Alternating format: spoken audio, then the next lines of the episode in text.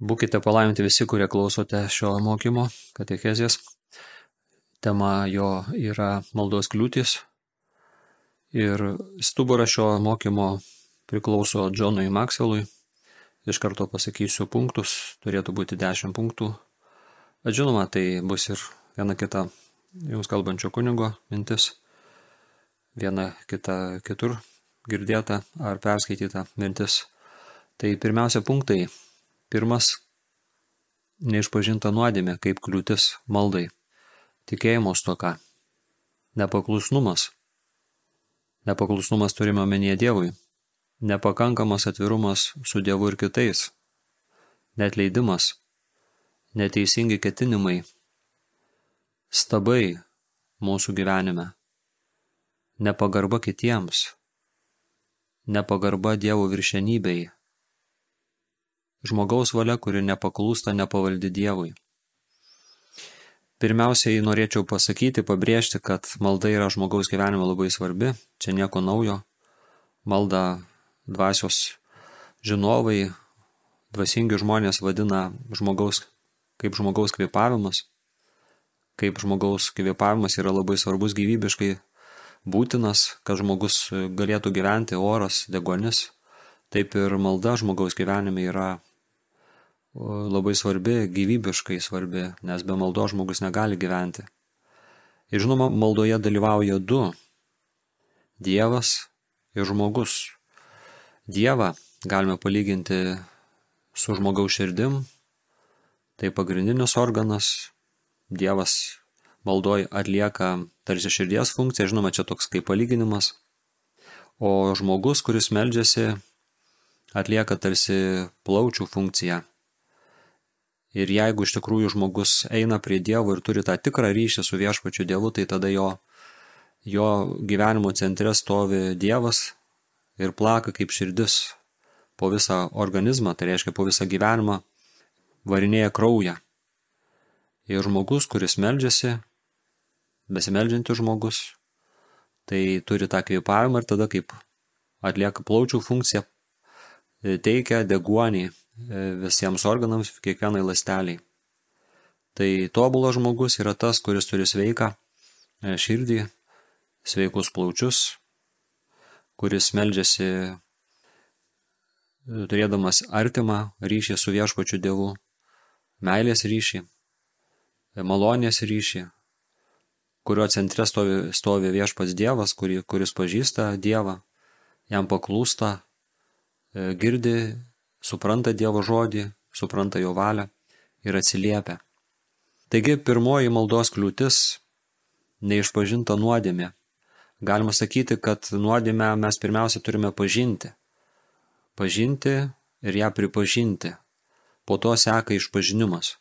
Tai didžioji šių laikų ir šio, šių laikų žmogaus problema, sunkumas, kad dažnas žmogus ne, nepažįsta nuodėmės arba dažnas net ir pažinęs ją teisinasi, ginasi, neigia.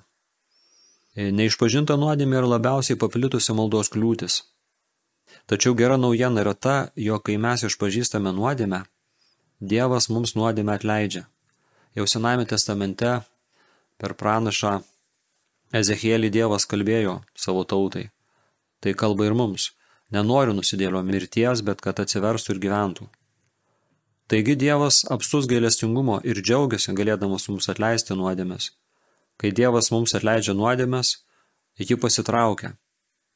Su ta praeitimi, nuodėminga praeitimi viskas baigta. Atsakomybė už ją yra pašalinta, nuodėmė sunaikinta.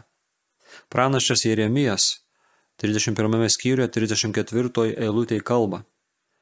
Čia Dievas kalba per jį, aš atleisiu jų kaltę ir jų nuodėmės nebeprisiminsiu mes ne tik gauname atleidimą, Dievas iš tiesų užmiršta mūsų praeities nuodėmes. Ta akimirka mūsų santykiai su yra atstatomi ir maldos vėl įgyja savo galę. Mūsų praeities poelgi vis dar gali turėti pasiekmes, tačiau pati nuodėmė mums yra atleista. Ir čia pasakyta labai stiprų žodžiai. Dievas pamiršta žmogaus nuodėmes. Mes labai dažnai jų nepamirštam. Piktoji dvasia labai dažnai mums jas primena, kad mes būtume kaltėjai.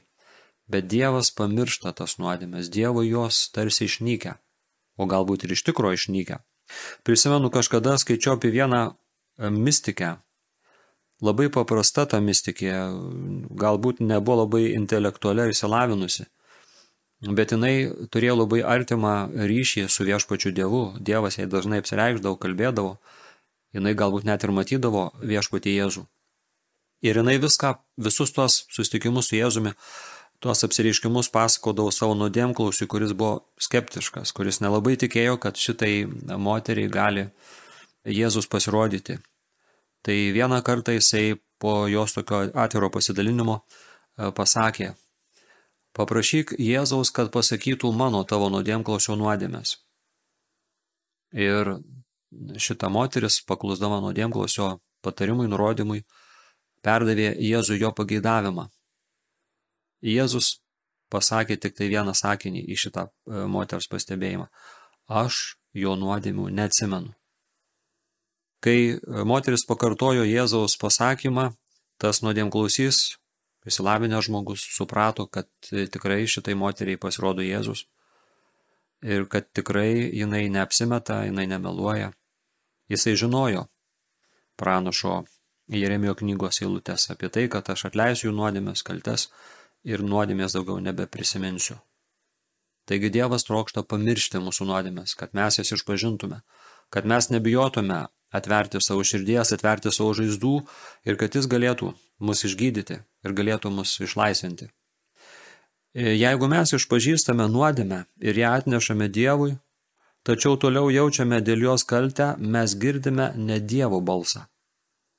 Taip mus puola šmeižikas, melagis, šietonas melo tėvas. Visuomet prisiminkime, kad Dievas visiškai atleidžia. Pirmajame Jono laiške, pirmame skyrio 9 eilutėje pasakyta, jeigu išpažįstame savo nuodėmes, jis ištikimas, kad atleistų mums nuodėmes ir apvalytų mus nuo nedorybių. Neleiskime šietonai mūsų kaltinti, nes mus išlaisvino Kristus. Ir čia prisimenu vieną pamaldžią ir išmintingą sielą, dvasinį žmogų, kuris savo jaunystėje buvo padaręs kažkokiu klaidų nuodėmių. Aišku, jas išpažino, dėl jų atgailavo, bet velnės piktoji dvasia nuolatos sugrįždavo ir kaltindavo tą žmogų dėl tų praeitie padarytų nuodėmių. Tačiau šitas žmogus e, išmintingas, e, žmogus nuolatos e, piktąją dvasę atstumdavo, atmesdavo, sakydavo, tos nuodėmės tikrai buvo padarytos, bet per išpažinti išpažintos ir jų nėra ir eik šalin. Taip turi elgtis kiekvienas Dievo vaikas, kuris atgailauja, kuris atgailos sustaikymo sakramento metu nuodėmės išpažįsta, gauna atleidimą ir reikia šitą tiesą prisiminti, kad man atleido nuodėmės, kad viešpats manęs e, pasigailėjo ir viešpats mane myli. Ir piktoiduose ir joks kitas žmogus ir aš pats asmeniškai neturėčiau savęs kaltinti dėl išpažintų apgailėtų nuodėmių, kurios buvo atleistos. Tai yra labai svarbus punktas. Ateiti pas Jėzų, atidengti savo žaizdas, išpažinti nuodėmės. Čia turime omenyje e, atgailos sustaikinimo sakramentas, gauti atleidimą ir daugiau dėl to nesirūpinti ir neleisti, kad kažkas kaltintų. E, nuodėmė priverčia mus bėgti nuo Dievo, nes nuodėmė yra didžiausias blogis, koks gali nutikti žmogaus gyvenime, didžiausia tragedija. Taip pat nuodėmė mus izoliuoja, atskiria nuo kitų tikinčiųjų. Praktiškai nuodėmė skaldo misinį Kristaus kūną bažnyčią. E, patį žmogų skaldo. Skaldo žmogaus santykius. Knygoje gyvenimas kartu Dietrichas e, Benheferis rašė. Nuodėmė reikalauja, kad žmogus būtų greta jos. Nuodėmė atitolina jį nuo bendruomenės ir kuo labiau žmogus yra izoliuotas, tuo labiau išžlugdo greunanti nuodėmės jėga. Tuo pražūtingesnė yra ši izolacija. Nuodėmė nori likti nežinoma. Jie aptemdo saulę. Neįsakymo tamsoje jį užnuodė visą žmogaus esmę. Nuodėmė žmogų išvaro iš tikinčių bendruomenės, o pasitraukimas nuo kitų krikščionių trukdo turėti atskaitingumo pirmenybę. Tai uždaras ratas. Kaip yra sakoma patarlėje, malda mūsų laiko nuo nuodėmės, o nuodėmė nuo maldos. Jeigu įrado vietos jūsų gyvenime, išpažinkite dabar ir gausite Dievo atleidimą. Apvalykite viską, kas trukdo jūsų ryšį su Dievu, sako viešpaties bažnyčios kankinys, kuris už tikėjimą, už e, samoningą tikėjimą, už meilę Kristui, už tiesos meilę, paguldė savo gyvybę antrojo pasaulinių karo metais koncentracijos lageryje. Taigi, pirma kliūtis – neišpažinta nuodėmė. Svarbu nuodėmę pripažinti, išpažinti, gauti atleidimą ir gyventi Dievo sūnaus dukters gyvenimą. Su pasitikėjimu artėti prie malonių sostų, maldoji. Antra maldos kliūtis – tikėjimo stoka. Tikėjimo stygius krikščioniškam gyvenimui daro ypatingai neigiamą įtaką. Be tikėjimo malda neturi jėgos. Net Jėzus dėl žmonių netikėjimo negalėjo padaryti stebuklų Nazarete. Jėzus apskritai e, žavėdavosi, stebėdavosi žmonių stiprių tikėjimų ir nesižavėdavo, bet stebėdavosi ir liūdėdavo dėl žmonių netikėjimo. Hebrajų laiško 11 skyrių 6 eilutėje mes skaitome. Be tikėjimo neįmanoma patikti Dievui, kas artinasi prie Dievo tam būtina tikėti, kad jis yra ir jo ieškantiems atsilygina. Tikėjimas iš tiesų yra pasitikėjimo klausimas. Jėzus pasakė, ir visą, ko prašysite maldoje, tikėdami gausite. Žmonės dažnai nenori visiškai pasikliauti Dievu. Tačiau kasdien jie net neklausdami pasikliavė žmonėmis parodydami tokį tikėjimą, kokį Dievas norėjo juose matyti. Pamastykime apie tai. Žmonės lankosi pas gydytojus, kurių pavardžių jie net negali ištarti. Gauna receptus, kurių negali perskaityti. Keliauja pas vaistininką, kurio niekada net nėra matę. Gauna vaistus, kurių veikimo mechanizmo nesupranta. Ir paskui jas vartoja. Kodėl žymiai lengviau pasitikėti šiais nepažįstamai žmonėmis negu Dievu, kurios yra visomis prasmėmis ištikimas ir mylintas? Atsakymas priklauso nuo to, kur glūdi mūsų tikėjimas. Daugelis savo tikėjimų pasikliaujo draugais, sutuoktiniu, pinigais ar pačiu savimi. Viskas įskyrus Dievą gali nuvilti. Tačiau net mažiausia tikėjimų dalylytė gali perkelti kalnus. Man labai patinka tikėjimo apibrėžimas, kurį naudoja šviesus e, ganytojas, monsinjoras, amžinybėje esantis prelatas Antanas Rupšys. Jisai apibūna tikėjimą kaip paklusnumu, alsuojantį pasitikėjimą Dievo žodžiu. Paklusnumu alsuojantis pasitikėjimas Dievo žodžiu. Ir kaip tik mes einame prie trečios kliūties, būtent neklusnumo. Neklusnumas, kaip matome, gali kilti ir dažnai kyla iš netikėjimo.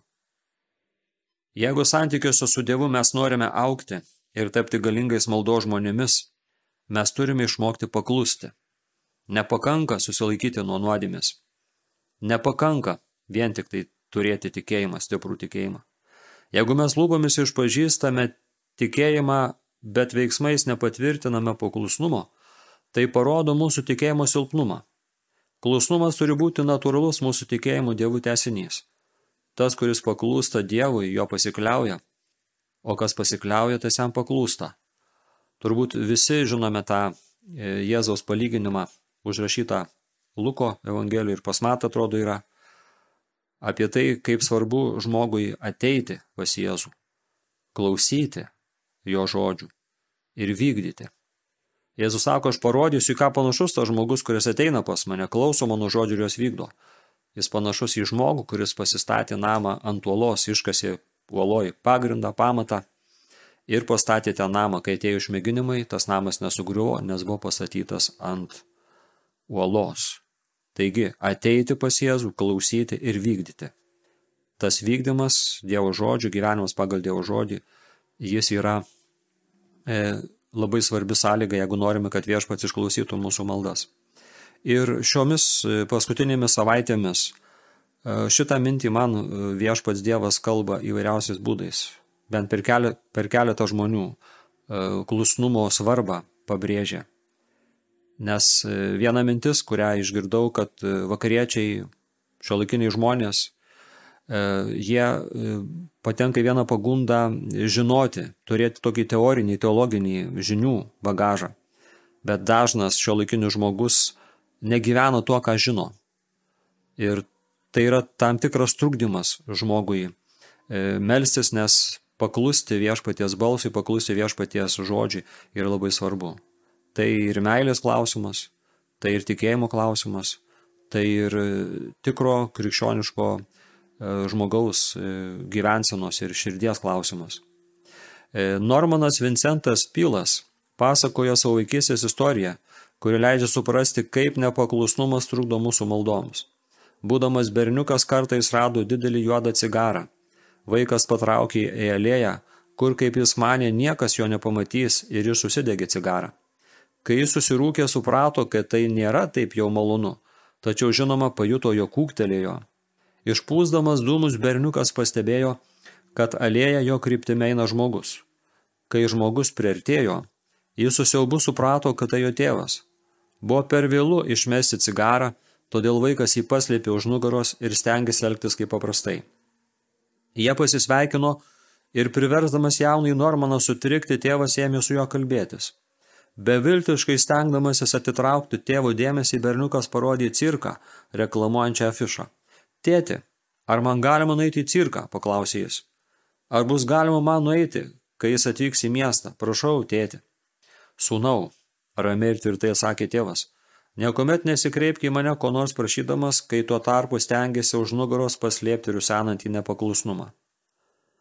Normanas Vincentas Pilas visą gyvenimą prisimins tėvo atsakymą. Tie žodžiai jam buvo puikiai pamoka apie Dievą. Jis negali ignoruoti nepaklusnumo, net kai mes stengiamės atitraukti jo dėmesį. Tik klusnumas gali atstatyti mūsų tarpusio santykius su juo ir suteikia mūsų maldoms galę. Prisimenu, ką dažnai kartoja savo pamokslė vienas e, kunigas. Sako, kodėl Dievas turėtų klausyti mūsų maldų, jeigu mes neklausome jo žodžių. Iš tikrųjų, turbūt pirmiausia mes turėtume paklusti viešpaties Dievo žodžiui, kad Dievas galėtų išklausyti mūsų maldas. Nes Dievas visą laiką imasi iniciatyvos ir mums kažką apreiškia. Per savo žodį, per gyvenimo įvykius ar per kitus žmonės, tikėdamasis, kad mes atsiliepsime nes tikėjimas tai yra atsiliepimas ir Dievo žodžio, o tai reiškia ir maldos, tikslas yra atsiliepti į tai, ką viešpats kalba, nes maldoje svarbu ne tai, ką mes sakome Dievu, nes jis ir tai viską žino, bet svarbu, kad mes išgirstume Dievo žodį ir atsilieptume į jį. Taigi klusnumas. Svarbus neklusnumas kaip trečioji kliūtis. Ketvirta maldos kliūtis nepakankamas atvirumas su Dievu ir kitais. Jokūbo laiške penktame skyriuje 16 eilutėje sakoma, išpažinkite vieni kitiems savo nusižengimus ir melskitės vieni už kitus, kad būtumėte išgydyti. Jokūbas dalyjasi tiesa apie Dievą, kai mes vieni kitiems išpažįstame nuodėmės ir melžiamės vieni už kitus, kas reikalauja visiško atvirumo, Dievas gali mus išgydyti ir apvalyti. Mes išgyvename dvasinį, fizinį ir emocinį atnaujinimą. Be to mūsų atvirumas padeda kitiems – parodydamas, kad jie nėra vieniši savo sunkumuose. Tas pats jau paminėtas aukščiau Dietrichas Bönheferis rašė apie atvirą pokalbį su tikinčiaisiais. Jis kalba, per nuodėmės išpažinimą Evangelijos šviesa įsiveržia į tamsą ir širdies vienatvę. Nuodėmė turi būti iškelta į šviesą. Neįsakyti dalykai turi būti išreikšti žodžiais ir pripažinti. Visa, kas yra paslaptis ir yra nuo žmonių paslėpta, pasidaro aišku. Tai sunki kova vykstanti tol, kol nuodėmė nebus atvirai pripažinta. Tačiau Dievas išardo varinius vartus ir geležinius užraktus. Mūsų brolis nutraukia savapgaulės ratą. Žmogus, kuris dalyvaujant brolių išpažįsta savo nuodėmę, žino, kad jis daugiau nebėra vienas. Jis pajunta Dievo buvimą dalyvaujančio brolių pavydalu. Išpažįstant nuodėmę sunkiausia būti sažiningam. Savimeilė yra sustrenkimo arba suklupimo akmuo, nes kyla grėsmė suduoti smūgį mūsų įvaizdžiui. Su tuo kovoja visa mūsų visuomenė. Kiekvienas nori savo trūkumais ir problemomis apkaltinti kitą. Ir galbūt šaknis šito nenoro būti nuoširdžiu atviru Dievui ir žmonėms, broliams, yra puikybė. Nes nuolankus žmogus nebijo pripažinti ir savo, ir kitiems, ir Dievui savo silpnumo, savo varganumo. O išpuikęs žmogus jisai teisinasi, bando perkelti atsakomybę nuo savo pečių ant kitų žmonių. Tai matome jau Seno testamento pradžios knygoje, kai sugauta nusikaltimo vietoje Doma, viešpats paklausė, ar kartais nevalgiai vaisiaus, kurį buvo uždraudęs valgyti ir jisai pasakė, kad moteris turėtų prisimti atsakomybę, nes jį sugundė, o moteris teisino, kad žaltys ją apgavo. Labai svarbu turėti e, nuodėmklausį ir nuolatos jam išpažinti savo kovas, savo nuodėmes. Taip pat e, labai dėrėtų šitoje vietoje pasakyti, kad svarbu lankyti maldos grupelę arba kokią nors savitarpio pagalbos grupę, kur būtų galima atverti savo širdį, atverti savo žaizdas. Ar tai būtų anonimi alkoholikai, jeigu kas turi tą priklausomybę. Ar tai būtų alanonas, jeigu kas gyvena su priklausomu žmogum. Ar tai būtų tiesiog maldos grupėje, ar kokia nors augusi alkoholikų vaikų bendruomenė, įsiskyrusių sielovados grupelė, kur būtų galima kalbėti apie sausmus, apie savo žaizdas, kur būtų galima pasakoti, kaip aš jaučiuosi, kaip aš jaučiausi ir gauti tam tikrą pagalbą, prieimimą, palaikymą, padrasinimą.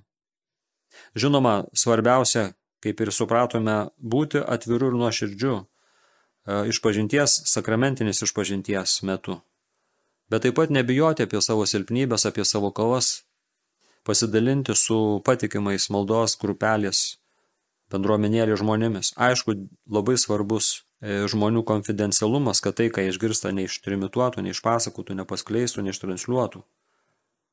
Ir labai dažnai aš pasigesdavau, kai lankydavau grupelės, būtent to atvirumo. Labai dažnai žmonės nedrįsta arba nenori būti atviri, nedrįsta pasakoti apie savo silpnumą. Ir pastebėjau, kai aš pats kaip kunigas išdrįsdavo ką nors papasakoti iš savo kovų, savo netgi pralaimėjimų, ar paprašydavo atvirai pasimelsti už vienokią ar kitokią mano intenciją, silpną vietą, žmonės būdavo labai padrasinti. Nes Jėzus ragino nešioti vieni kitų naštas, kad taip įvykdytumėm viešpaties valią ir taip ateitų jo karalystė. Taigi, Ketvirta maldos kliūtis – nepakankamas atvirumas su Dievu ir su broliais sesėmis. Dar viena kliūtis – neatleidimas. Praėjusį sekmadienį mes klausėme Evangeliją, kai Petras prie, prie Jėzaus klausė, kiek kartų turėčiau atleisti savo broliui. Ar iki septynių kartų? Judėjų statymas reikalavo, kad žmogus tris kartus atleistų skriaudą. Petras, prileisdamas septynis kartus, manė, kad jis labai nuolaidus ir minkšta širdis, Ir galimas dalykas buvo giliai nustebęs, kai išgirdo Jėzaus atsakymą. Aš nesakau tau iki septynių kartų, bet iki 77 kartų. Jėzus mėgino išmokyti Petrą, kad atleidimas nėra matematinis dalykas. Atleidimas nėra žodžių rinkinys, tai liečia širdį. Ir šventoji duose mums duoda jėgos atleisti. Kodėl svarbu atleisti? Atsakymą randame Mato Evangelijoje. Jeigu jūs atleisite žmonėms jų nusižengimus, tai jūsų dangiškasis tėvas atleis jums. O jeigu jūs netleisite žmonėms jų nusižengimų, tai jūsų dangiškasis tėvas netleis jūsų nusižengimų. Atleisti ir gauti atleidimą tai neatskiriama. Tas atleidimas kitam ir atleidimas gautas man yra kaip dviniai. Jei žmogus atsisako kitam atleisti, jis kenkia savo, nes atleidimo stoka gali užvaldyti ir sukelti jame kartėlį. O žmogus negali klauptis maldai, sielai turėdamas kartėlį ir negali jos užbaigti palaiminimais. Atleidimo dėka mūsų širdie gali karaliauti ne tik tiesa, bet ir šviesa. Šeštasis maldos kliuvinys – neteisingi ketinimai arba motyvai. Labai svarbu, kad mes būtume nuoširdus patys su savimi ir pažintume savo motyvus, kad suprastume, kodėl kažką darome ir kodėl prašome arba kaip prašome. Nes labai dažnai mes susidedam kaukę prie žmonės, prie save bandom apgauti save ir kitus ir mums dažnai tai pavyksta. Bet kas netaip smagu, mes bandom apgauti ir viešpati Dievą, kurio niekada neįmanom apgauti. Kartais mums būna sunku kokioje nors situacijoje susigaudyti ir Dievas tada ateina mums į pagalbą, parodydamas mūsų ketinimus, atidengdamas mūsų paslėptus dalykus, Atsimenu vieną kartą pamokslo metu skaičiau iš vienos knygos apie vieną e, vyrą, Šakarianą, kuris atvykęs į vieną parapiją, sustikdamas su tos parapijos e, lyderiais, norėjo e, daryti evangelizaciją. Ir kažkas paklausė, o kokie tavo ketinimai, bet tai buvo toksai posakis, bet kas iš tikrųjų tavo rankovėje? Ir tas vyras sakė, mano ketinimai patys nuoširdžiausi, aš jokios, jokių e, savanaudiškų interesų neturiu. Tikrai nesavanaudiškai noriu skelbti Kristų ir padėti žmonėms jį pažinti. E, tas mano pamokslas truko ganėtinai ilgai ir parapiečiai dažnai man skūsdavosi, kad tavo pamokslai yra ilgi ir aš įsileidau kažkokį tai kaltinimą. Pradėjau kaltinti save, kad gal čia ne iš Dievo, kad čia gal kažką iš savęs darau. Ir kaip nustebau, kad iš karto po šito pamokslo, kuriame šitą istoriją Šakarijanų skaičiau, e, dalinant komuniją, e, vienas komunikantas, viena ostė iškrito iš mano rankų ir pasilenkęs niekaip negalėdavau surasti. Koks buvo man didelis nustebimas, kai radau švenčiausią karamentą įkritus į mano rankovę. Viešpats norėjo tokiu būdu mane padrasinti, man tai pasirodė. Suprantu, kad viešpats Dievas turi gerą humoro jausmą. Ir iš tikrųjų viešpats ne tik tais nori parodyti mūsų motyvus, bet viešpats Dievas labai dažnai nori mus ir padrasinti. Taigi nebijokime paprašyti viešpaties, kad jisai atskleisų mūsų tuos ketinimus, neteisingus ketinimus, klaidingus ketinimus. Bet kad jisai atskleistų ir mūsų tuos netikrus, kartais savanaudiškus motyvus. Nes tuomet daugiau malonės ateis mums ir daugiau malonės ateis kitiems žmonėms ir viešpaties vardas bus išaukštintas ir viešpas bus pašlovintas. Taigi nebijoti pažinti savo neteisingus ketinimus arba klaidingus motyvus arba savanaudiškus motyvus. Nebijoti, kad viešpat šitoj vietoj mus mokys ir laisvins. Septinta maldos kliūtis stabai mūsų gyvenime. Apie stabus kalba daug ir Senasis ir Naujasis testamentas. Pavyzdžiui, mylimasis Jėzaus mokinys Jonas vieną iš savo laiškų baigia tokiais žodžiais – vaikeliai, saugokite stabų. Dauguma žmonių galvoja apie stabus. Kai galvoja apie stabus, jie įsivaizduoja statulas, kurios yra garbinamos kaip dievai. Ir atsimenu, kažkada skaičiau knygą, ten buvo paskoma apie vieną ganytoją, bažnyčios ganytoją, kuris labai buvo susirūpinęs, kad jo parapiečiai, jo tikintieji daro mažai pažangos. Jam visą laiką atrodė, kad problema yra juose. Bet viešpats Dievas pradėjo kalbinti jo širdį ir leisti jam suprasti, kad ne, ne tik tavo ganomuosiuose yra problema kad ir tau reikėtų kažką iš esmės pakeisti. Ir vieną naktį tas ganytojas Erlo Štegenas, Pietų Afrikos Respubliko misionieriavęs, e, pamatė tokį sapną. Pamatė pagonišką šventyklą, kurie buvo daug labai visokių drožinių ir stabų. Ir į tą šventyklą pasimersė atėjo vienas žmogus. Jisai prieš kiekvieną tą drožinį parpuldavo ant kelių ir galo paliesdavo grindis, kiekvieną tokiu būdu pagarbino ir taip ėjo nuo vieno stabo prie kito kaip e, buvo nustebintas šitas e, žmogus, šitas dievų tikintysis, kai atsisukęs veidų, tas žmogus pasirodė esas jis pats. Jam buvo šokas, niekaip negalėjau patikėti, kad jis turi tiek stabų. Ir paskui viešpats Dievas jam vieną po kito rodė tuos stabus.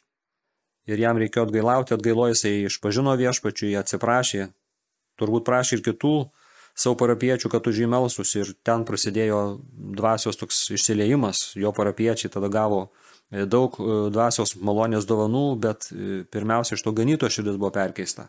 Pirmiausia, jo širdie šventoji buvo apvalyta nuo stabų.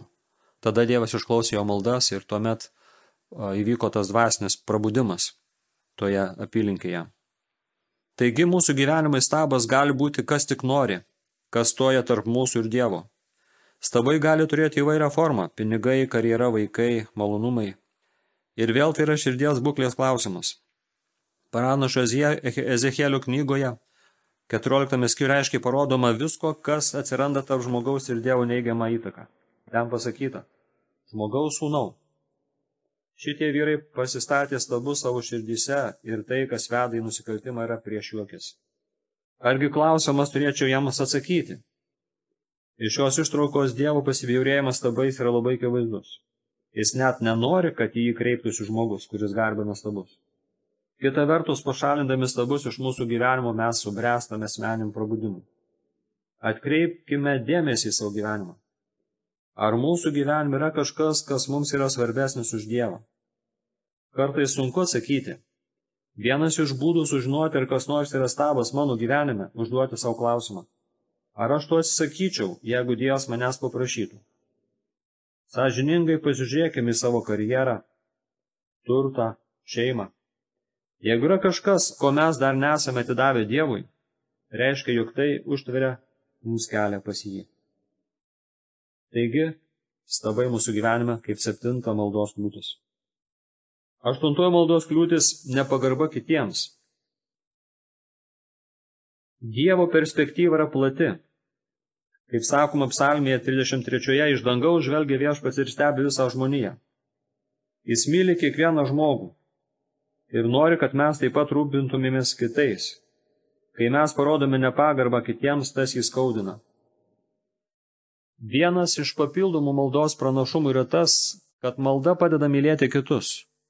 Neįmanoma, kad žmogus nekestų arba kritikuotų tą, už kurį meldžiasi. Malda išugdo kantrybę, pašalina konkurencijos jausmą. Pavyzdžiui, Bilas Klasenas dažnai pasakojo istoriją apie save, kai jis dar buvo jaunas krikščionis. Jis prisiminė, jog po daugelio sekmadienio pamaldų pietums jis turėdavo keptą bažnyčios ganytoją. Jis gana žiauriai kritikuodavo tos bažnyčios vadovą. Tačiau, kai jis pradėjo aukti maldos gyvenime, Dievas ėmė laužyti jo požiūrį į ganytojus vadovus. Kritikos dvasia ištirpo ir pavirto užuojautą. Ir galiausiai jis pradėjo savo maldos tarnystę partneriai maldoje, kurios tikslas skatinti parapiečius melsi su savo ganytojus, pastorius ir kunigus. Tai buvo kardinalus posakis. Pagalvokime, kiek šiandien yra kritikos, kiek šiandien yra negeranoriškos kritikos, kaip labai šiandien žmonės žemina vienas kitą, kiek patyčių šeimose, mokykloje, darbovietėje. Tai tampa tarsi norma. Per tai žmonės labai sužeidžiami, gauna emocinius sužeidimus. Tie atmetimai greuna žmogaus santykių su pačiu savim, pasitikėjimą, varo į kompleksus. Ir žmogui tada sunku ateiti net ir į maldą, nes toj maldoje jisai sužeistas psichologinės problemos, emocinės problemos labai trukdo žmogui melstis, patirti tikrą santykių su Dievu. Pagarba žmogui. Pagarba gyvybė yra labai svarbu. Devintoji maldos kliūtis – nepagarba Dievo viršenybei. Arba, kitaip sakant, nepažinimas Dievo kaip tėvo. Aš tvirtai tikiu Dievo viršenybę, sako Jonas Maxwellas. Manau, kad tikėjimas jo viršenybė kartu su kitomis tiesomis man padėjo sunkumuose. Per daugelį metų nenupulti. Žinau, kad Dievas mane visiškai gerai pažįsta, žino, kas yra man geriau. Pranašas Jeremijas kalba. Pažinau tave prieš tau gimstant, pašventinau tave ir paskiriau pranašų tautoms.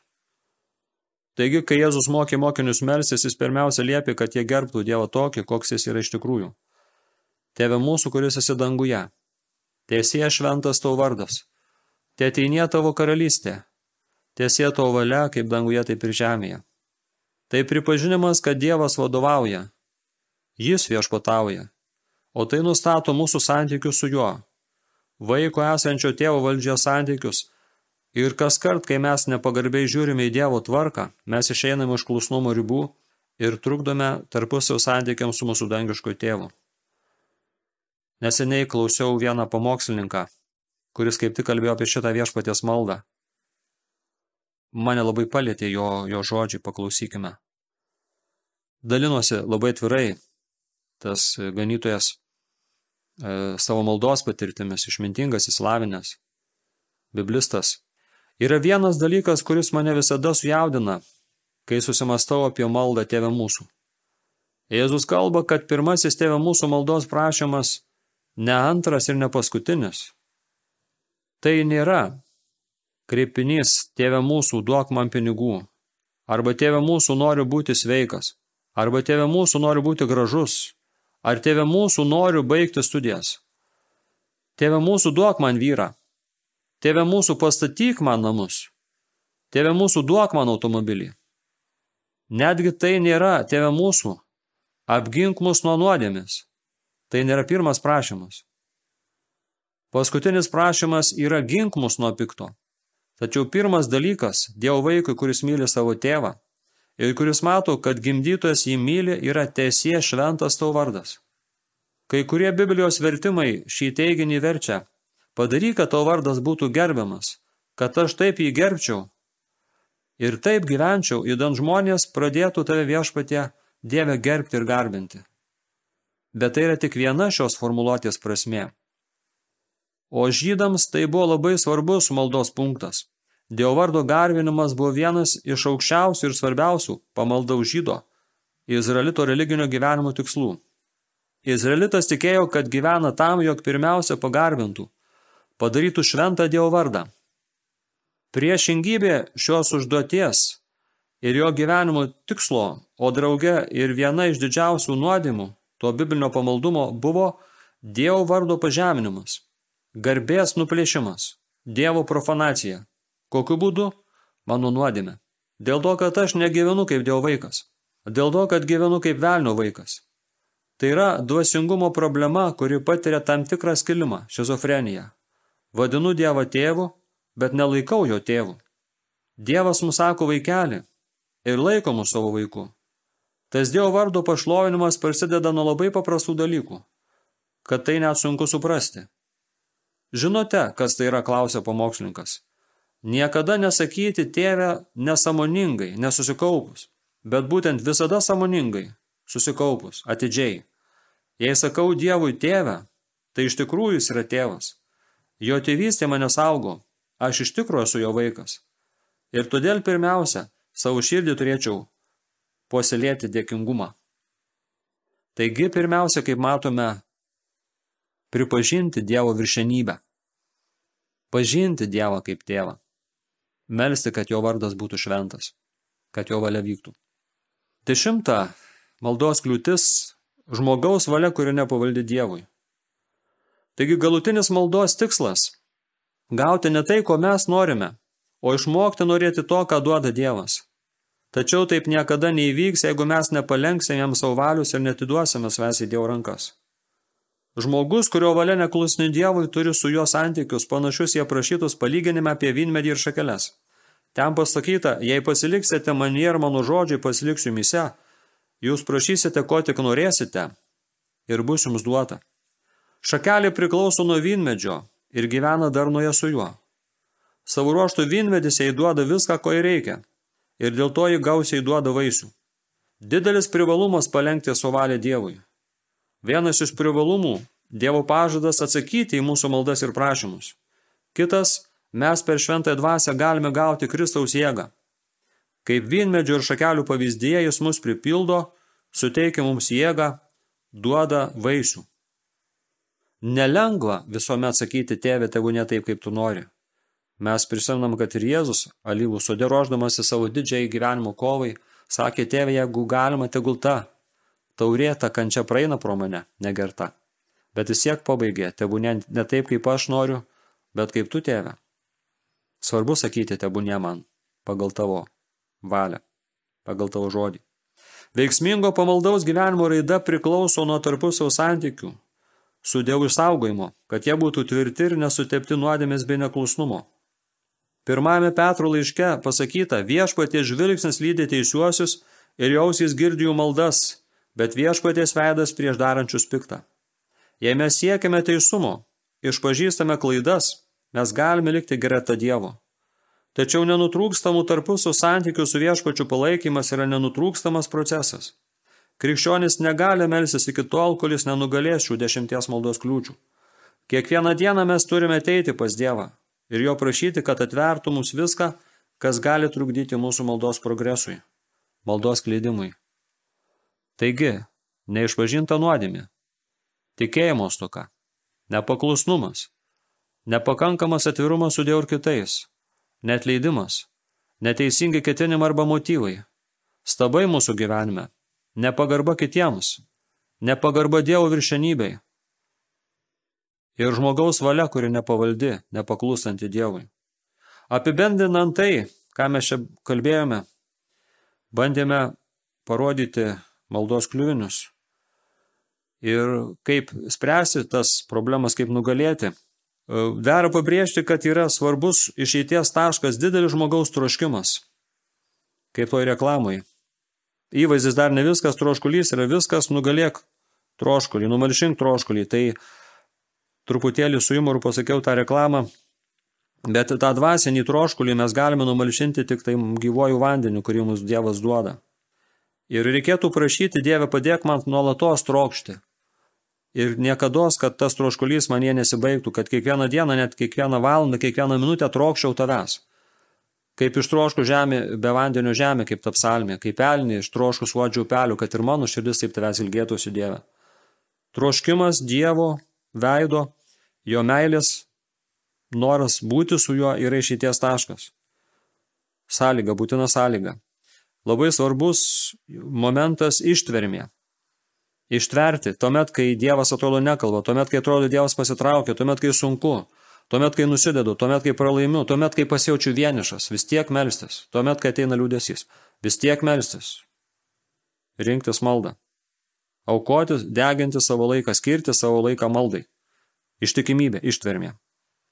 Ir svarbus sėdėjimas, nuolatinis sėdėjimas prie Jėzaus kojų, kaip Marija pasirinkusi geriausią dalį, Lozoriaus sesuo Marija, kuri nesirūpino Jėzui patarnauti kaip morta, bet atsisėdusi žiūrėjo į jį ir klausėsi jo žodžių. Kad ir mes kiekvieną dieną pradėtume atsisėsdami prie Jėzaus kojų, nesirūpindami darbais, nenudirbamais rūpestėliais ir taip toliau, būtimi, bet būtimi. Pirmiausia būti o paskui sutvarkyti būtį. Tai Dieve padėk.